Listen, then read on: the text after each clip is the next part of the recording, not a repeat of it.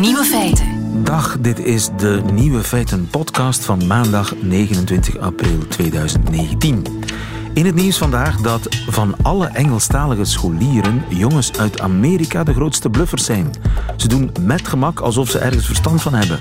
De onderzoekers hebben het bullshit-gehalte van die leerlingen getest met een lijst van 16 wiskundige begrippen. Bij elk begrip moesten ze op een schaal van 1 tot 5 aangeven hoeveel ze daarover wisten. Maar er zaten ook drie dingen tussen die niet bestaan. Het betamelijk getal, de subjunctieve schaalfactor en de declaratieve breuk. Wat bleek, jongens scoren hoger op de bullshit-schaal dan meisjes. Noord-Amerikanen zijn grotere bullshitters dan Engelsen, Australiërs of Nieuw-Zeelanders.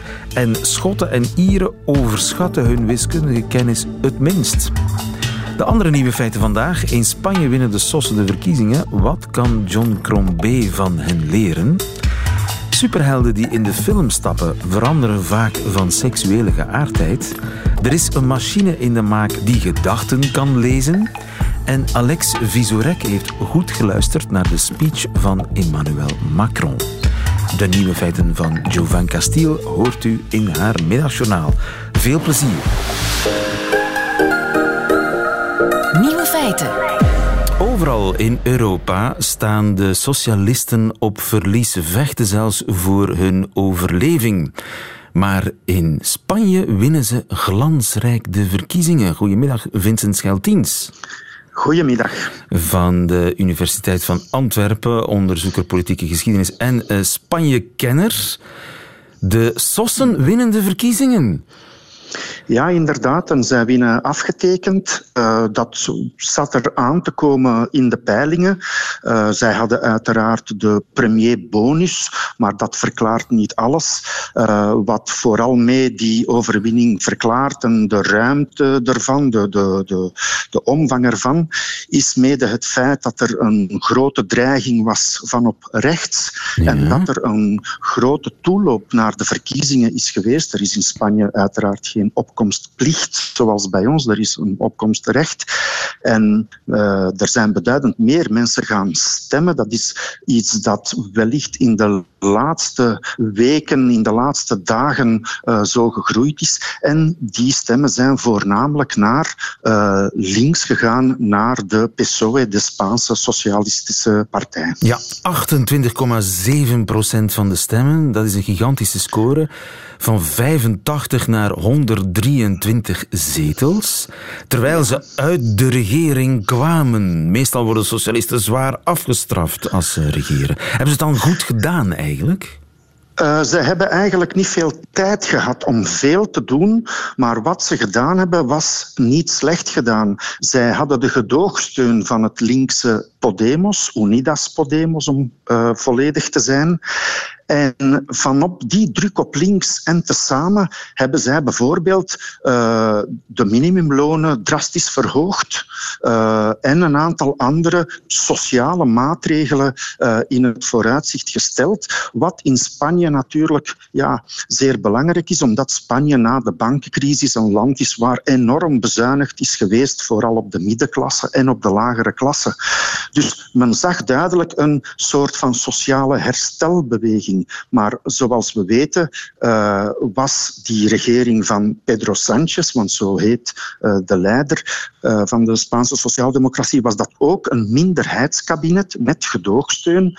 En een deel van die steuners waren Catalaanse nationalisten.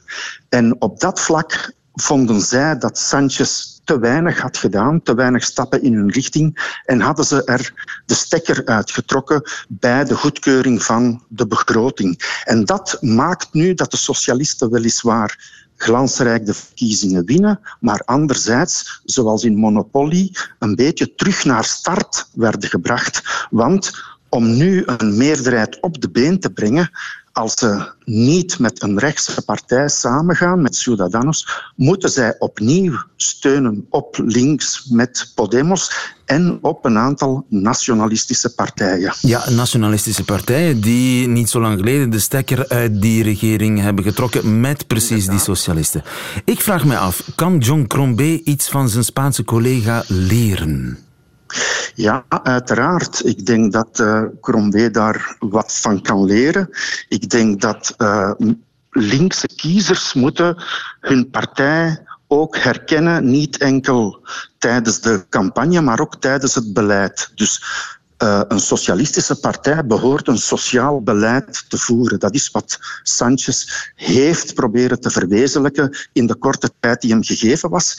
En twee, je moet weten met wie je in zee gaat. Het zou niet hetzelfde resultaat gegeven zijn indien Sanchez bijvoorbeeld met een rechtse partij zou uh, een coalitie gesloten hebben. Gisteren sprak hij zijn enthousiaste achterban toe en wat men daar riep spontaan vanuit de massa was niet met Rivera. Wie is Rivera? Rivera is de leider van Ciudadanos, de rechtse uh, de, de rechtsliberale partij, met wie hij wel een stabiele meerderheid zou kunnen vormen, maar met wie hij geen sociaal beleid zal kunnen voeren en met wie hij ook het Catalaanse probleem niet zal kunnen oplossen, want die Rivera die wil dat er opnieuw hard wordt opgetreden in Catalonië. Ja. Dus je kan, je kan daar wat van leren als je doet waar je voor staat en als je daar de juiste partners voor kiest die dat helpen uh, realiseren. Nu hebben de socialisten in Spanje wel het voordeel gehad dat de rechtse partijen redelijk naar rechts zijn opgeschoven om die nieuwe nationalistische partij Vox wat wind uit de zeilen te nemen, waardoor het centrum een beetje vrij kwam. Ja, inderdaad. Dus die drie rechtse uh, partijen in Spanje zaten onderling gewikkeld in een gigantisch uh, rechtsnationalistisch opbod, radicaliseerden enorm, uh, aangezwengeld door dat Catalaanse nationalisme, uh, wilden ook per se van Catalonië een centraal verkiezingsthema maken over heel Spanje. Dat heeft inderdaad in het centrum onder gematigde mensen, mensen die willen dat er gepraat wordt, een onderhandeling komt, etc., ruimte gemaakt voor ja, de meer uh, bedachtzame PSOE, de meer bedachtzame socialisten.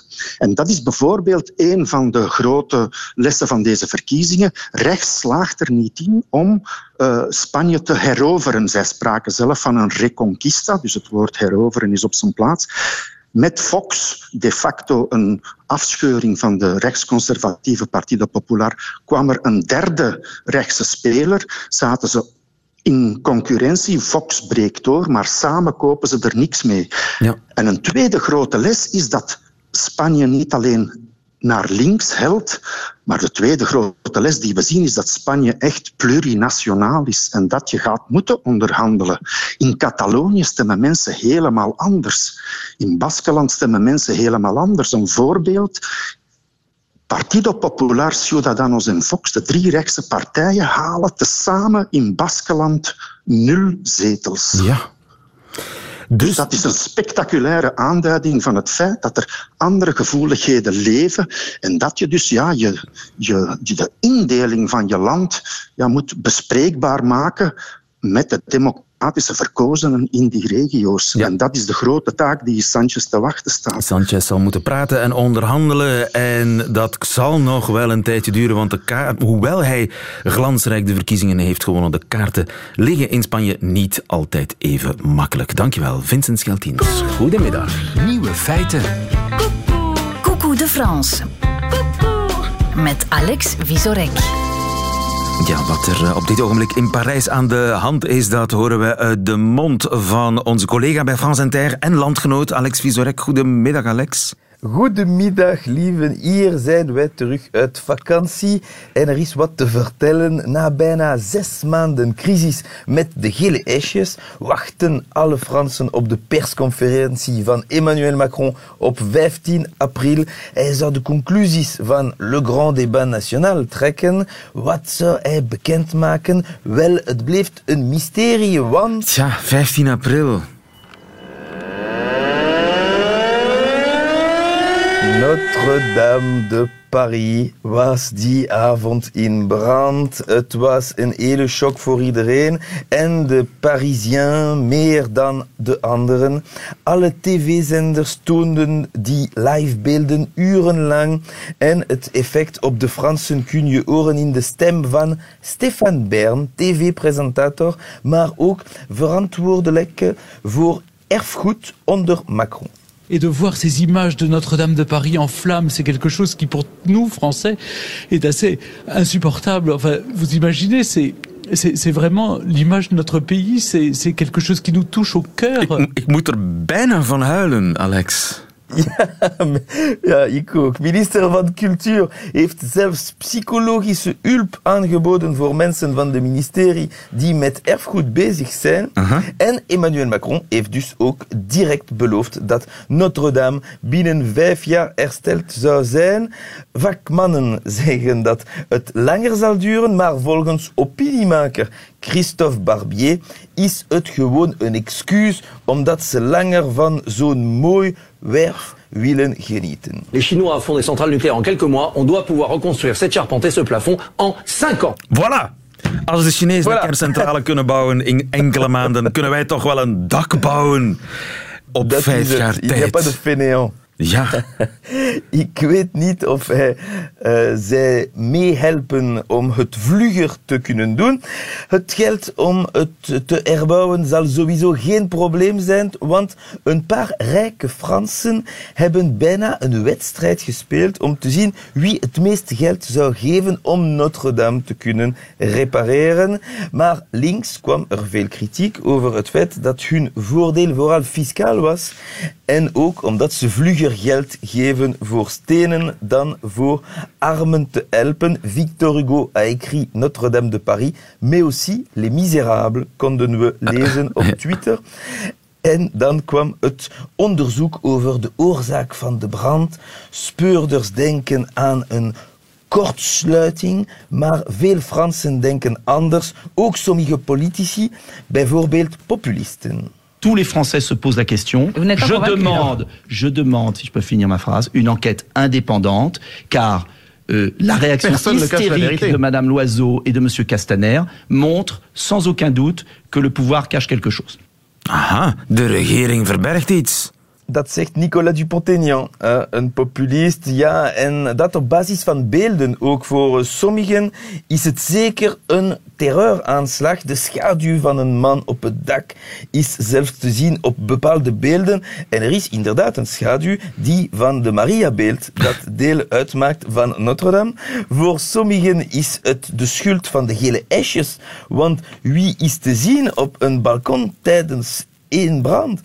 Een gele esje. Voilà. En er is inderdaad een gele esje, een brandweerman met een veiligheidsvest. Maar de echte redenen, die heeft mijn collega Guillaume Meurice door een paar Fransen vernomen. Moi, je, je pense que ça a été fait un peu exprès pour ne pas que le président passe à la télé. Hein. Ah, vous pensez À mon avis, ça a dû, je sais pas, il y a, y, a, y a quelque chose qui est pas logique. Ja, dat kan geen toeval zijn. Hè? Voilà. Net die avond moest uh, Macron zijn cruciale speech op tv geven. Wou hij eigenlijk niet Ja. doen. Vandaar, jongens, even bellen, steek die Notre-Dame eens in brand. Dat is, dat is wat die mens denkt. Sommigen zijn niet fair om te denken dat Macron de brand zelfs heeft aangestoken om zijn speech te kunnen afzeggen. Zoals een leerling die een goed excuus voor zijn huiswerk zoekt. Ondertussen is de emotie wat gedaald en Macron heeft uiteindelijk deze week zijn lang verwachte persconferentie kunnen geven. Ja, en uh, wat waren de conclusies daarvan? Heeft begrepen dat de Fransen een boule au ventre hebben, knoppen in de maag. Uh, en om dat te lossen heeft hij een paar dingen voorgesteld. Meer jobs, minder belastingen, minder parlementsleden, standaardbeloften dus. En ook het afschaffen van l'École Nationale d'Administration, l'ENA. Oei. Dat is een hogeschool die hoge ambtenaren opleidt. Er is een heel streng toelatingsexamen en uh, superveel politici hebben bij Lena gestudeerd, Macron ook. Daardoor het gevoel dat ze uit hetzelfde hout gesneden zijn of in het Frans, ils sont sortis du même moule.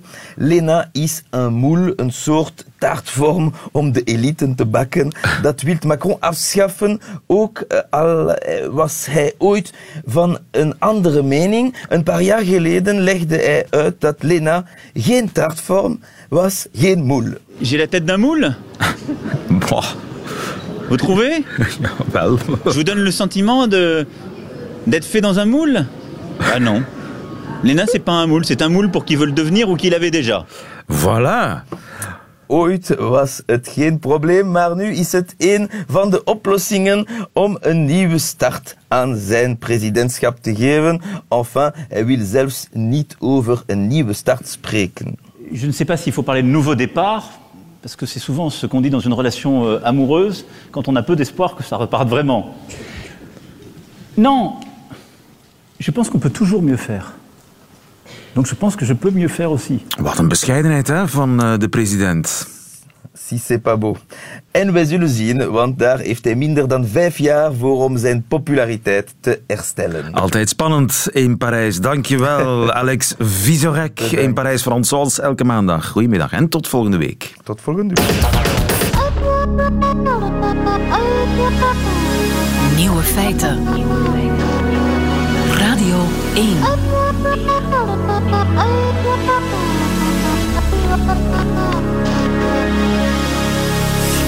Nee, nee, nee, nee, nee. Het is geen machine die gedachten kan lezen, maar toch. Wouter Duik, goedemiddag. Goedemiddag, lieven. Psycholoog van de Universiteit van Gent. Ik laat eens iets horen hè, van, van Mhm. dat- die machine die gedachten eigenlijk niet kan lezen. The proof that you're seeing is available in books. Eh, ik moet dat nog een keertje horen. The proof that you're seeing is available in books. De mm that you're seeing is...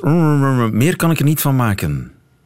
Maar Ja, de voorbeeld, dat- dit is eigenlijk wat het had moeten zijn. The proof that you are seeking is not available in books. The proof that you are seeking is not available in books. The proof that you're seeing is available in books. Ja, als je het weet, kun je het er min of meer uithalen. Maar de K is nog een probleem, geloof ik, hè? Ja, ik moet zeggen dat u er eh, een van de meest uitdagende voorbeeldjes uitgehaald heeft. Maar eh, wat men in dit onderzoek gedaan heeft, is eh, men heeft eigenlijk geprobeerd een hersenklanken te maken. De luisteraars herinneren zich misschien nog de klankentapper van Suske, Suske en en Wiske. Wiske, inderdaad, ja, heerlijk. Ja, ja. Wa- wa- waarmee men kon achterhalen wat planten eh, denken. En dat kan natuurlijk niet, want planten denken niet. Maar hier heeft men dat eh, geprobeerd voor de hersenen. Hè. Men heeft dus geprobeerd een softwareprogramma, een machine te bouwen, waarmee men op basis van de hersenactivatie, van de activiteit in het brein van mensen, eigenlijk kan afleiden welke zin die mensen eh, aan het denken zijn. Hè. Maar kan dat En- ding gedachten lezen? Ja, ja, dat is wel degelijk eh, wat men aangetoond heeft. Dus men is hier eigenlijk aan de slag gegaan met een vijftal epilepsiepatiënten. En epilepsie, dat is een aandoening die we tamelijk goed met medicijnen kunnen behandelen. Maar voor sommige patiënten werken die medicijnen niet goed. En wat men dan doet bij die patiënten soms, is een stukje hersenweefsel wegnemen waar de epileptische aanvallen ontstaan. En men wil natuurlijk zo weinig mogelijk hersenen wegsnijden, want die hersenen hebben we nodig. En daarom gebruikt men eigenlijk een techniek waar men voor die patiënten, vooraleer men gaat snijden, gaat meten waar er hersenactiviteit is en waar die dreigt een probleem te zijn. En dus die, dat betekent dat als epileptische patiënten zo'n eh, operatie moeten overwegen, dat die een aantal eh, dagen, weken, maanden moeten rondlopen met elektroden die echt in de schedel aangebracht worden. Dus die elektroden die worden op de hersenen geplaatst. Dus men kan dus eigenlijk meten waar is er elektrische activiteit en welk hersengebied en hoe sterk. En wat men nu dus gedaan heeft met die gedachten, eh, kom ik tot de kern van het experiment. Men heeft dus ook die mensen, terwijl men die moeilijke operatie deed en ze toch met die elektroden op hun hersenen rondliepen, heeft men die mensen een paar honderd zinnen laten vertellen. En terwijl mensen die paar honderd zinnen uitspreken, kan men dus meten meten welke hersenactiviteit ze hebben terwijl ze die zinnen aan het uitspreken zijn. En wat heeft men dan gedaan? Dan heeft men een computer eigenlijk laten trainen van kijk, welke hersenactiviteit komt overeen met welke zin. En nadien heeft men dan aan mensen gevraagd om volledig stil te blijven, maar aan die zinnen te denken. En men heeft dan dat computerprogramma gevraagd, kijk, je hebt daarnet geleerd welke hersenactiviteit bij welke zin hoort kan je nu voorspellen aan welke zin iemand denkt, gewoon op basis van de hersenactiviteit, zonder dat hij op dat ogenblik een geluid maakt. Ja, dus iemand denkt dit. process. Maar wil eigenlijk dit zeggen. Shipbuilding is a most fascinating process. Ja. Maar de cruciale vraag voor mij is of het genoeg is om aan die zin te denken of ook om die zin te willen uitspreken. Ja, wel. Um, ten eerste, nogmaals, u haalt er wel een moeilijk voorbeeldje aan, omdat overal heeft men aangetoond dat als je nadien die zinnen laat horen aan mensen, hè, dat um, de zin in 70 à 80 procent van de gevallen correct herkend wordt. Hè. Ja. Dus, dus ja, dat is voor het eerst een indicatie. Het is niet perfect, u hoort het, de voorspelling, daar is een beetje een hoek af. Maar in 80 procent van de gevallen um, was het goed genoeg om de originele zin te achterhalen. En u stelt een zeer belangrijke vraag. Hè. Uh, is het genoeg om eraan te denken? Ja, dat is een beetje een moeilijk antwoord, omdat men heeft eigenlijk dat systeem getraind op mensen die echt zinnen uitspreken. Hè. En als men het systeem toepast op mensen die gewoon geen zin verroeren, dan blijkt het systeem ongeveer 70% zo goed te zijn. Hè. Dus, ja, dus om het met een boetade te zeggen... Ja, dat is eigenlijk wel veel. Hè? Omdat uh, voordien heeft men gezien dat men dat wel kon voor individuele woordjes of voor individuele klanken. Maar hier heeft men het dus over voorspellen van welke zin iemand denkt aan een tempo van 150 woorden per seconde. En grosso modo kan men dat dus in 70% van de gevallen correct gaan voorspellen. Dus en dat is wel... ik kan me ja. voorstellen, justitie is hier heel geïnteresseerd in. Want ja, als ik zo'n ding als een, in een helmpje inbouw en ik zet dat op een verdachte en ik vraag, heb jij het gedaan of niet? Wel, dat is natuurlijk pure science fiction. Hè. Minority Report is nog niet voor nabij. Maar dat is wel het principe. Hè. Maar natuurlijk, er zijn een aantal voorwaarden. Het is nu voor de eerste keer dat men dit aantoont met patiënten die echt een paar weken met elektroden in de schedel rondlopen. Hè. Ik zie het nog niet zo gauw gebeuren voor een ondervraging bij de politie. Uh, dat zo'n verdachte dan ook gaat meewerken. Hè, ja. en, en, en aanvaardt dat men even de schedel gaat openmaken. Dus dat is voorlopig nog pure science fiction. Maar de deur staat maar, op een kier. Um, maar de deur staat op een kier en men heeft nu tenminste voor het eerst aangetoond dat je uh, zinnen kunt afleiden uit hersenactiviteit. Weliswaar bij een kleine groep patiënten, het waren slechts vijf epilepsiepatiënten. Hè. Um, en nogmaals, er is die moeilijke operatie die je eerst moet doen om aan die hersenactivatie te geraken. Omdat als je bijvoorbeeld zou willen gaan meten op de schedel zelf, dus zonder dat je de hersenen uh, moet openmaken, als je zou gaan meten op de hersenen zelf, ja, dan spreken we over, over een signaal wat van een veel lagere kwaliteit is. En daar kunnen we voorlopig nog niet aan denken. Ja, en het is voor in alle individuen anders. Dus één machine kun je niet uh, op andere mensen toepassen. Ja, maar men heeft wel aangetoond, dus hier hebben vijf patiënten aan deelgenomen. En men heeft die computer laten trainen op de data van alle mensen apart. En de computer was wel in staat om voor alle vijf die patiënten die accuraatheid van 70% ja, ja. te halen. Dus het volstaat eigenlijk dat je zo'n computer een vierhonderdtal zinnetjes geeft van een specifieke persoon. En dan kan die computer voor die specifieke persoon de hersenactiviteit omzetten in spraak. Ja, maar dat is voor mensen die hun spraakvermogen om de een of andere reden kwijt zijn geraakt, uh, hoopgevend nieuws in elk geval. Ja, absoluut. Dat is eigenlijk de belangrijkste toepassing, denk ik. We kennen bijvoorbeeld allemaal hè, Stephen Hawking, de beroemde fysicus die onlangs overleden is. Hij was volledig verlamd, hij zat in een rolstoel. Wel, hij had een systeempje waarbij, waarmee hij zijn kaak kon bewegen. En afhankelijk van hoeveel kliks hij maakte, werd dat omgezet in letters.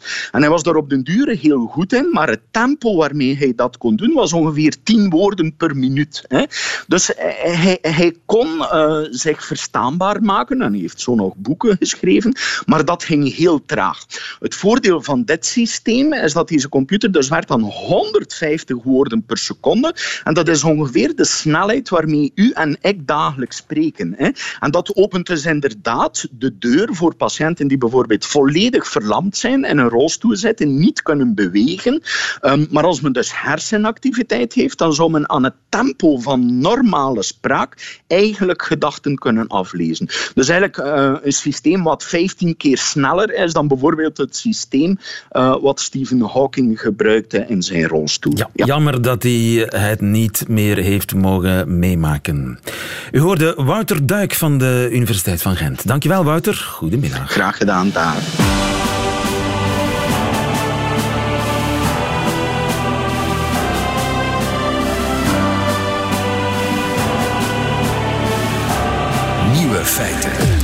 Er is iets raars aan de hand met deze drie superhelden. I do solemnly swear to pledge allegiance to a lantern that I got from a dying purple alien.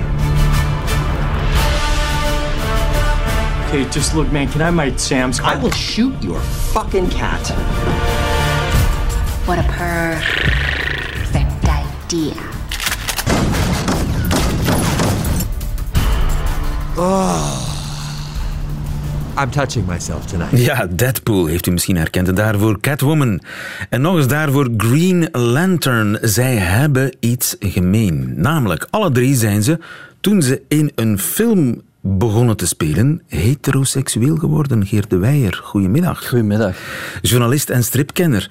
Catwoman, die was dus ooit anders geaard. Zij, is eigenlijk altijd biseksueel geweest. Um, hetzelfde geldt eigenlijk voor Green Lantern. Die, uh, weet je, lief, het is ongelooflijk moeilijk om, om welke vraag je ook gaat stellen erop te antwoorden. Want al die personen die je opnoemde, waren eerst hetero, dan waren ze plots bi, dan was er een ander personage dat, dat, zij niet, dat, het, dat het origineel niet meer was, dan werden ze in een ander parallel universum plots toch homo, dan weer hetero het is ongelooflijk ingewikkeld, eh, deze wereld. Dus het is niet zo eenvoudig om te zeggen dat, dat Batman of Catwoman of Batwoman dat die eh, biseksueel of homo of lesbienne Maar hun geaardheid was ietsje complexer toen ze nog gewoon stripfiguren waren. Ja, toen was het, toen was het heel complex. Uh, je hebt bijvoorbeeld de Green Lantern, waar, we het over, over, uh, waar je het er net over had. Die is, dat is een personage, Alan Scott van 1940 bijvoorbeeld. Toen was hij altijd hetero. Is hetero gebleven tot in 2012. Dan werd hij plots homo uh, in een parallel universum. Dan kwam er een film uit. Dan zei de LGTB-gemeenschap van kijk, waarom is die niet homo geworden? Want hij is altijd homo geweest. Klopt eigenlijk niet, want hij was origineel hetero. Alleen zijn er ondertussen 30 tot 40 Green Lanterns geweest. En sommige daarvan zijn homo en de meeste daarvan zijn gewoon hetero. Dus Ingewikkeld is het wel, ja. Maar is het zo dat uh, zodra een, een stripfiguur, een superheld in een stripfiguur in de film stapt, mhm. dat hij eigenlijk heteroseksueler wordt. Dat, dat kun je wel zeggen. Dat kun je eigenlijk wel zeggen. En dat heeft natuurlijk allemaal te maken met, met de markt. En de markt is zo van Marvel, dat is een superheldengenre, dat is een heel populair genre. Dus men, men, men generaliseert eigenlijk alles. Dus het is voor sommige landen bijvoorbeeld, zegt men, heel moeilijk om een, een homo-superheld te introduceren. Voor China zou dat bijvoorbeeld een beetje moeilijker zijn. Je hebt ook zoiets als het, het cliché van de love interest in, in gewone Hollywoodfilms tussen man en vrouw. Dat kan je dan ook niet meer zoveel uitspelen. Um, maar daar zou een beetje verandering in komen, want men is natuurlijk die, die superheldenfilms het is altijd een beetje van hetzelfde. Men wil nu, ook door die MeToo-beweging in, in uh, Amerika vooral, men wil zich meer focussen op, op, op, uh, ja, op, op de LGTB-gemeenschap, op inclusie, uh, op, op discriminatie. Men wil daar echt over spreken. Je ziet nu ook dat er meer vrouwen een hoofdrol spelen als superheldin. je ziet nu ook dat binnenkort komt er toch een homo-personage als superheld. Hercules zou dat zijn. Men is nu ook aan het werken aan Aziatische superhelden om daar een, een, een, film van te maken. Dus men is echt bezig met dat te veranderen. Maar het gaat heel langzaam. En er was heel, heel lange tijd kritiek op het feit dat heel veel van die superhelden ja, eigenlijk gedesexualiseerd worden vaak. Um, en maar als, neem bijvoorbeeld Deadpool. Wat is er met hem gebeurd? Deadpool is een heel ander verhaal. Deadpool is eigenlijk een panseksueel. Iemand die geen onderscheid maakt uh, tussen gender en genderidentiteiten. Die man uh, zou zelfs een een, een eenhoornneuken, heeft hij al gezegd. Dus die, die, die doet alles. Um, dat is natuurlijk een heel cynisch karakter en die lacht eigenlijk met het superheldengenre. En in de eerste film waren er nog uh, kleine grapjes rond. Uh, dan zie je dat hij een beetje flirt met Wolverine bijvoorbeeld. Of hij vraagt aan een barman een, een blowjob, wat dan uiteindelijk een cocktail blijkt te zijn. Maar er zijn constant van die grapjes, waardoor dat zijn seksuele geaardheid eigenlijk uh, wordt uitgespeeld. Nu, Ryan Reynolds, de, degene die Deadpool speelt, heeft al gezegd van ik wil meer een, ik wil een vriendje, bijvoorbeeld in de, in de derde uh, Deadpool-films. We moeten eigenlijk de grenzen van Deadpool, die eigenlijk wel alles kan en alles mag, omdat hij zo cynisch is, moeten we uitspelen en we moeten hem een vriendje geven. Dus daar kan het wel. Maar maar dat is nog op komst, dat kunnen we nog niet zien. Ja, maar je ziet dat er een paar van die allusies worden gemaakt in, in, in andere films. Hè. Eh, je ziet bijvoorbeeld Black Panther, um, was een, een heel belangrijke film natuurlijk. Daarin zie je dat de Afro-Amerikaanse gemeenschap, uh, die is heel blij met zo'n film natuurlijk. Maar twee actrices hebben op de Golden Globes bijvoorbeeld vorig jaar elkaar een, een, een zoen gegeven voor het oog van de camera om eigenlijk te zeggen van kijk, we hadden scènes opgenomen over onze lesbische relatie die in de strip wel is, maar die is dan weer weggeknipt in de film. Men durft niet. En hetzelfde voor Thor Ragnarok. Die actrice Tessa Thompson, die speelde Valkyrie. Er was, zei ze achteraf, een scène opgenomen waar dat er een, haar lesbische minnares wegsluipt uit haar slaapkamer. Ook die is geknipt. Dus men durft niet echt um, ja, homoseksualiteit, biseksualiteit uh, in een film steken. Um, of men durfde. Men, ja, het is, het is dubbel. Het is aan het kantelen, want er komt een Hercules. Wie is Hercules? Hercules is een Avenger uit de Griekse mythologie. En die is een, het hoofdpersonage uit The Eternals. Uh, een film die eraan zou komen. Um, men is daarvoor op zoek gegaan. Men heeft nu eigenlijk de grote bonzen van Marvel hebben gezegd van kijk, we gaan nu eindelijk toch een uh, homo-personage als hoofd superheld opvoeren. Zou in de Eternals zijn. Men gaat zelfs verder. En men is gaan uh, vragen aan homo-acteurs om die rol te vertolken. En dat is ook iets wat je ziet door de MeToo-beweging. Um, je ziet ook dat die nieuwe film over die Aziatische superhelden, Shang-Chi is dat, daarvoor wordt ook gezocht naar een Aziatische regisseur, een Aziatische acteur natuurlijk. En uh, laatst was er een, een, een, een personage in uh, Supergirl, de tv-serie. En dan wordt gezocht naar een transvrouw voor de rol van een transvrouw superheldin. Dat zijn allemaal dingen die, die aan het gebeuren zijn.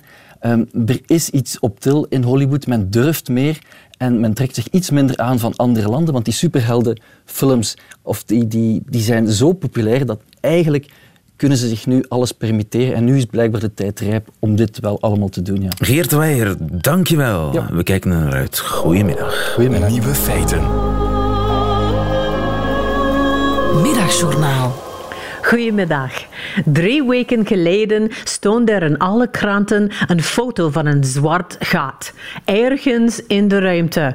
Of beter gezegd, een foto van iets dat op het achterlicht van een auto of op het knoopje van mijn krultang lijkt.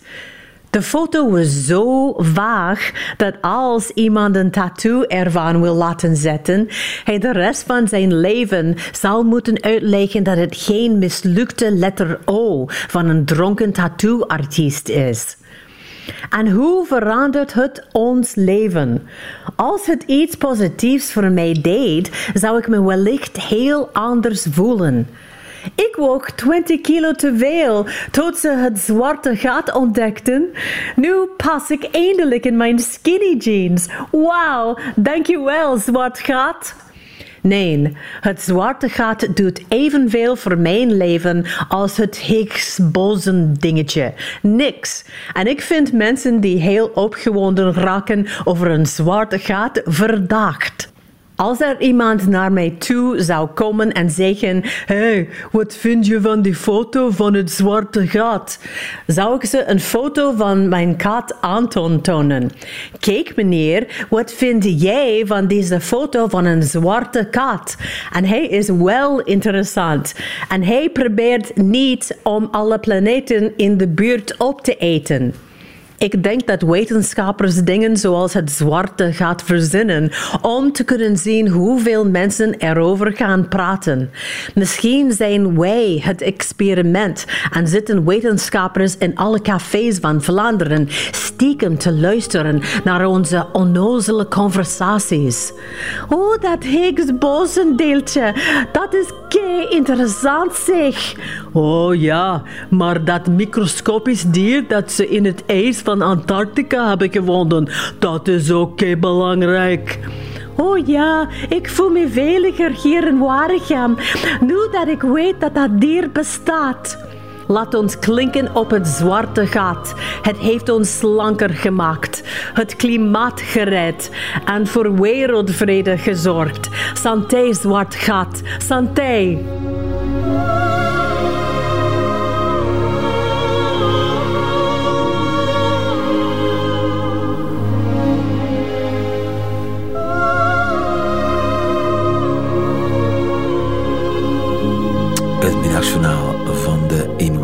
Aangespoelde Amerikaanse stand-up comedienne Jovan Castiel.